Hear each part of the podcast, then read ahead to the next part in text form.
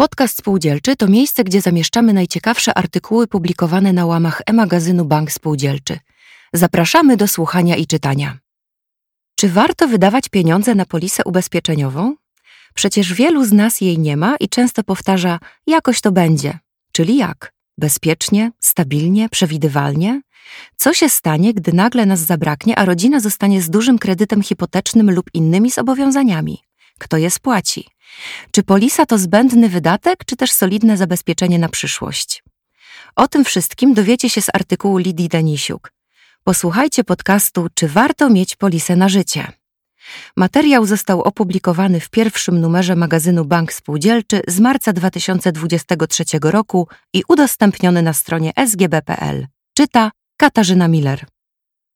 Czy warto mieć polisę na życie?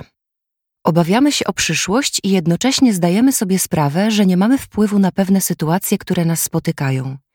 Nie mamy wpływu na wypadki i na to, czy, kiedy i na co zachorujemy.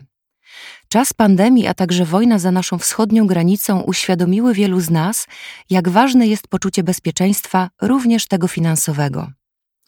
Czy wobec tego posiadanie ubezpieczenia na życie w dzisiejszych czasach jest koniecznością, czy może to tylko zbędny luksus, z którego można zrezygnować? Wciąż panuje stereotyp, że życiówka jest droga i że to zbędny wydatek. Martwimy się o przyszłość, a jednocześnie myślimy, jakoś to będzie. W momencie śmierci albo choroby słyszymy komentarze otoczenia: było się ubezpieczyć. Rozważając kwestię posiadania polisy na życie, warto się zastanowić, czy nasza śmierć oznaczałaby kłopoty finansowe dla rodziny, czy dysponujemy odpowiednią poduszką finansową i wiemy, że po naszej śmierci rodzinie niczego nie zabraknie. Jeśli nie mamy odpowiednich oszczędności i nasza śmierć oznaczałaby kłopoty finansowe rodziny, warto rozważyć posiadanie odpowiedniej polisy na życie. Wciąż jednak świadomość dotycząca ubezpieczeń na życie jest niska i niewielu z nas decyduje się na posiadanie polisy. Gdy rozsądnie pomyślimy o przyszłości i spróbujemy znaleźć odpowiedź na pytanie, skąd moja rodzina weźmie pieniądze, jak mnie zabraknie, przychodzi nam do głowy polisa na życie. W ubezpieczeniu na życie nie chodzi tylko o siebie, ale o najbliższych. Polisa na życie pozwala na utrzymanie stabilności finansowej rodziny po śmierci ubezpieczonej osoby. Jest dobrym zabezpieczeniem, gdy bierzemy kredyt na mieszkanie lub dom z drugą połówką.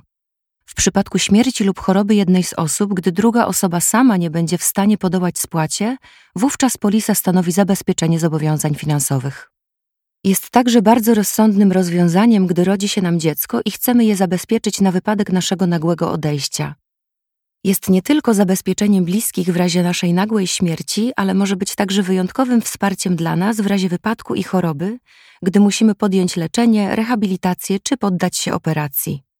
Spróbujmy wyobrazić sobie sytuację, że w wypadku ginie ojciec, który zarabia na utrzymanie całej rodziny. Żona zostaje z trójką dzieci. W przypadku, gdy posiadał on odpowiednią polisę na życie, żona otrzyma całą kwotę, jaka została w niej wskazana. Posiadanie przez męża polisy pozwoli na zapewnienie rodzinie płynności finansowej przez określony czas. Jeśli w wypadku zginęłaby też żona wskazana przez męża jako osoba, której należy wypłacić świadczenie, uposażony podstawowy, to pieniądze mogą otrzymać dzieci, uposażeni zastępczy. Warto także wiedzieć, że pieniądze z ubezpieczenia nie stanowią masy spadkowej, co pozwala na szybkie otrzymanie środków przez uposażonych niezależnie od postępowania spadkowego. Wybierając polisę ubezpieczenia na życie, zwróćmy uwagę na sumę ubezpieczenia. Powinna być na tyle wysoka, by zapewnić płynność finansową.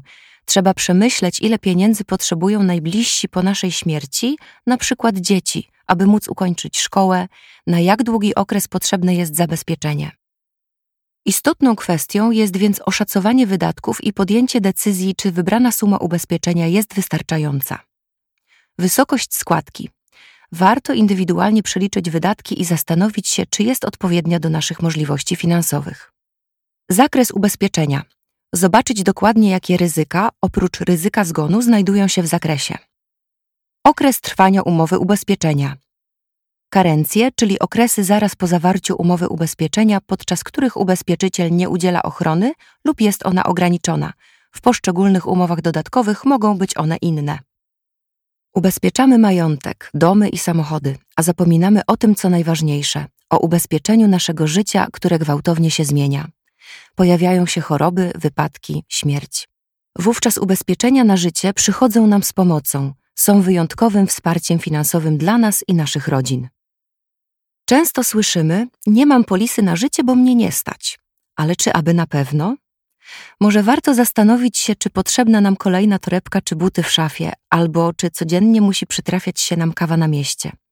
Przykładowo, wydając codziennie 10 zł na ową kawę, w skali tygodnia tracimy 70 zł. W skali miesiąca to już 300 zł. Warte zastanowienia. Podsumowując nasze wydatki i dochodząc do wniosku, ile pieniędzy wydajemy na zupełnie zbędne rzeczy, może warto z naszego budżetu wyeliminować niepotrzebne wydatki i zadbać o odpowiednią, dostosowaną do naszych indywidualnych potrzeb polisę na życie.